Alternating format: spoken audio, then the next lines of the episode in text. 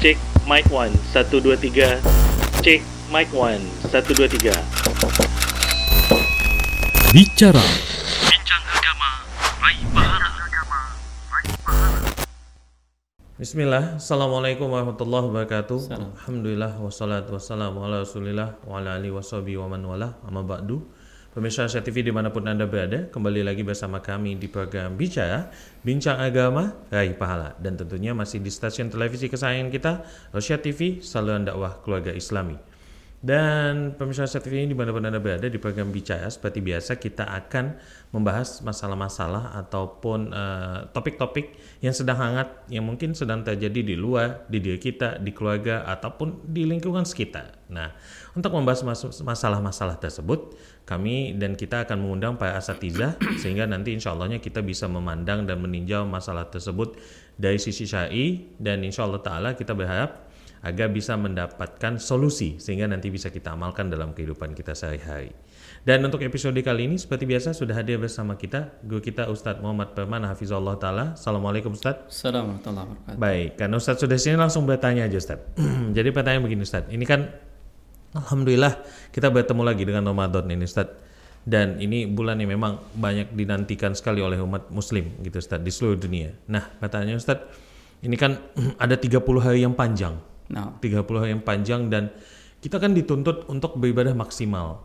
Tapi kadang kan Ustadz puasa ini kan membuat badan lemas, eh, malas untuk beraktivitas, mau beribadah itu yaudah nanti masih ada, nanti masih ada, nanti masih ada. Akhirnya Ramadan lewat, ibadahnya ya nggak beda jauh sama sebelum Ramadan gitu Ustadz. Nah, yang mau kami tanyakan Ustadz, dan kadang juga ada pemikiran gini Afwan, kadang ada pemikiran gini, udahlah masih muda nanti kan Ramadan tahun depan ketemu lagi nih. Jadi mau mau ditanyakan Ustadz apa nih kiat-kiat untuk kita-kita ini Ustadz supaya Ramadannya tetap semangat. Ramadannya justru lebih maksimal dari Ramadan sebelumnya dan lebih pasti beda lah dengan hari-hari kedua Ramadan. Mungkin Ustadz bisa memberikan sedikit nasihat kepada kami Ustadz. Tafadhol Ustadz. Bismillah, Alhamdulillah, wassalatu wassalamu ala rasulillah Wa alihi wa ashabihi wa man tabi'ahum bi ila yaumiddin wa ba'du Para pemirsa Rasya TV yang dimuliakan oleh Allah Suatu nikmat yang besar di mana Allah Subhanahu wa taala telah menghidupkan kita di bulan Ramadan ini.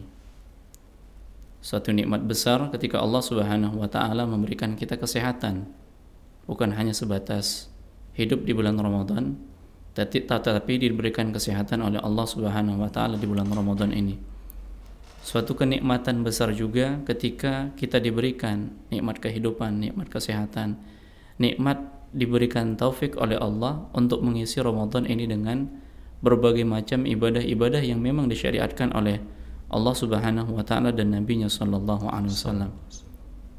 Karena kita tahu bahwasanya ketika kita berada di Ramadan ini yang dulu kita melihat ada tetangga kita, saudara kita, kerabat-kerabat kita yang masih bersama kita di Ramadan tahun yang lalu ternyata di tahun ini mereka sudah meninggal dunia. Sebagaimana di dalam sebuah syair dikatakan kam kunta ta'rifu mimman sama fi salafin min baini ahli wa jiran wa ikhwan. Afanahumul maut wastabqaka ba'dahum hayyan fam aqrabul qasi minad dani berapa banyak orang-orang yang engkau kenal dari kalangan jiran tetangga dari kalangan kerabat-kerabat dari kalangan keluarga yang mereka telah meninggal dunia dan menyesakan dirimu. Mereka sudah diwafatkan oleh Allah Subhanahu wa taala dan kita masih diberikan kehidupan oleh Allah Subhanahu wa taala.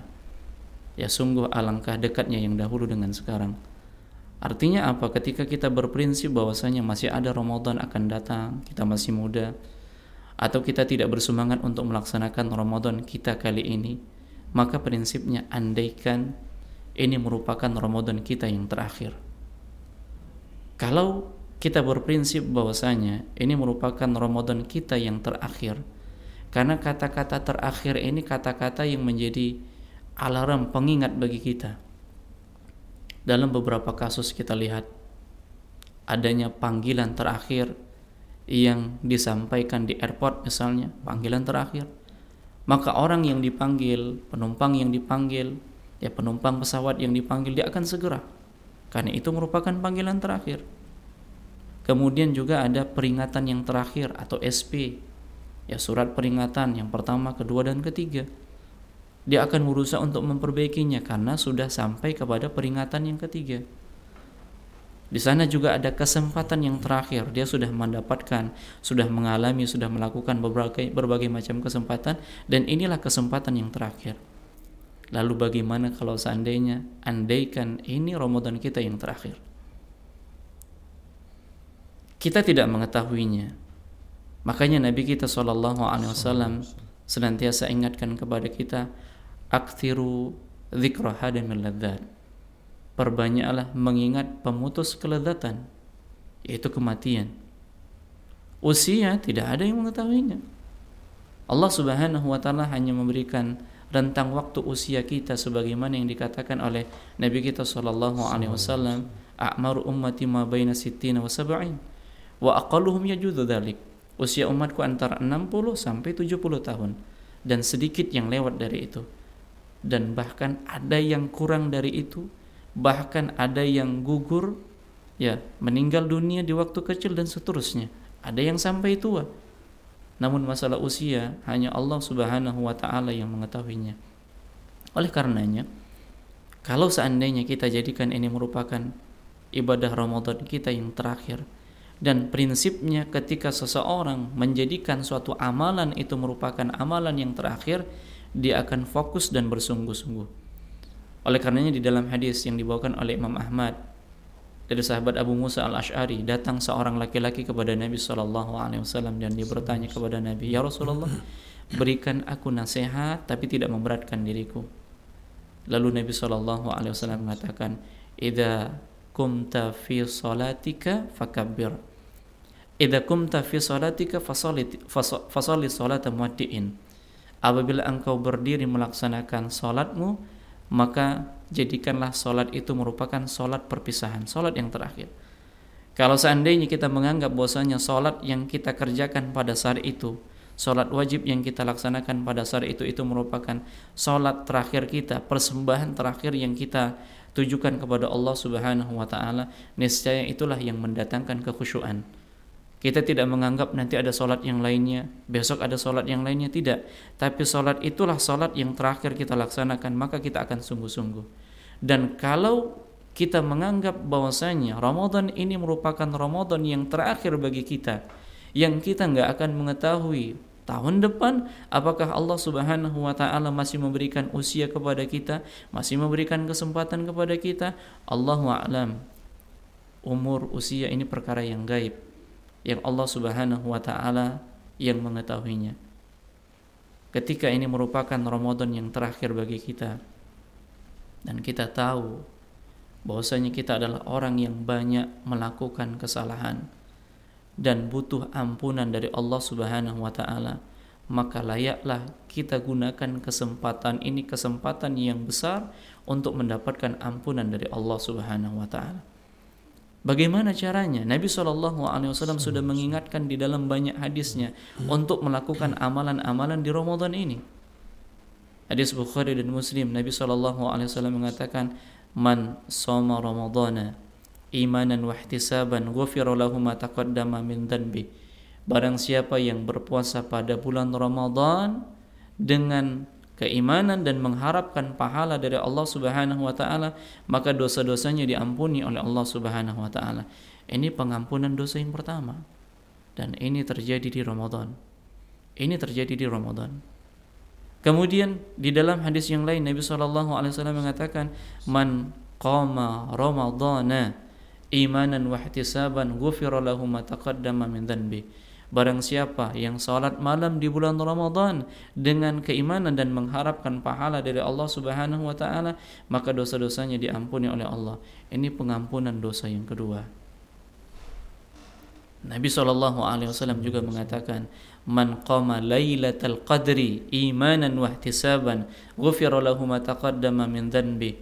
Barang siapa yang melaksanakan bangun menghidupkan malam-malam Lailatul Qadar dengan keimanan dan mengharapkan pahala dari Allah, maka dosa-dosanya yang lalu diampuni oleh Allah Subhanahu wa taala. Maka kalau kita menjadikan ini merupakan Ramadan kita yang terakhir, bersungguh-sungguhlah di dalam melaksanakan puasa. Bersungguh-sungguhlah melaksanakan sholat taraweh. Boleh jadi ini merupakan taraweh kita yang terakhir. Bersungguh-sungguhnya nanti mendapatkan malam Lailatul Qadar, mengejar malam Lailatul Qadar dengan berbagai macam ibadah dan di bulan Ramadan ini bulan di mana kita dianjurkan memperbanyak bersedekah. Ala aduluka abwabul khair? Maukah engkau aku tunjukkan pintu-pintu kebaikan kata Nabi sallallahu alaihi wasallam? Asyamu junnatun. Puasa itu adalah perisai. Was sadaqatu tudfi'ul khati'ah kama yudfi'ul ma'an nar. Puasa itu adalah perisai sedekah itu dapat menghapus kesalahan-kesalahan sebagaimana air dapat menghapus api, dapat memadamkan api.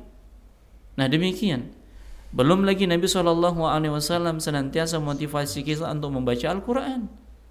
Untuk membaca Al-Quran dan Ramadan ini adalah bulannya Al-Quran.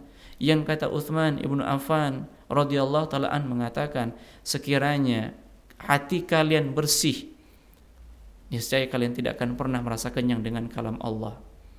Kalian tidak akan pernah merasa kenyang dengan Al-Quran sekiranya hati kalian bersih. Maka ini kesempatan yang berharga yang Allah Subhanahu wa taala berikan kepada kita. Belum lagi ibadah yang lain. Kalau ini Ramadan kita yang terakhir, yang tadinya mungkin kita senantiasa masbuk datang sholat berjamaah, kita berusaha datang tepat waktu yang tadinya mungkin kita berada di saf-saf belakang, kita berusaha di Ramadan itu untuk, mengejar di saf yang terdepan. Karena keutamaan-keutamaan yang kita dapatkan nantinya. Dan Nabi Shallallahu Alaihi Wasallam mengingatkan kepada kita semua, rogima anfu abdin, celakalah seorang hamba yang dia masuk di dalam Ramadan setelah dia keluar dari Ramadan dosa-dosanya tidak diampuni oleh Allah Subhanahu wa taala. Kalau dia menganggap tahun depan masih ada masa lagi, kita masih muda, lalu bersantai-santai melaksanakan ibadah di bulan Ramadan ini, kita khawatir keluar dari Ramadan ini dosa-dosa kita tidak diampuni oleh Allah Subhanahu wa taala. Ibnu Rajab Al-Hambali menukilkan perkataan para ulama-ulama salaf.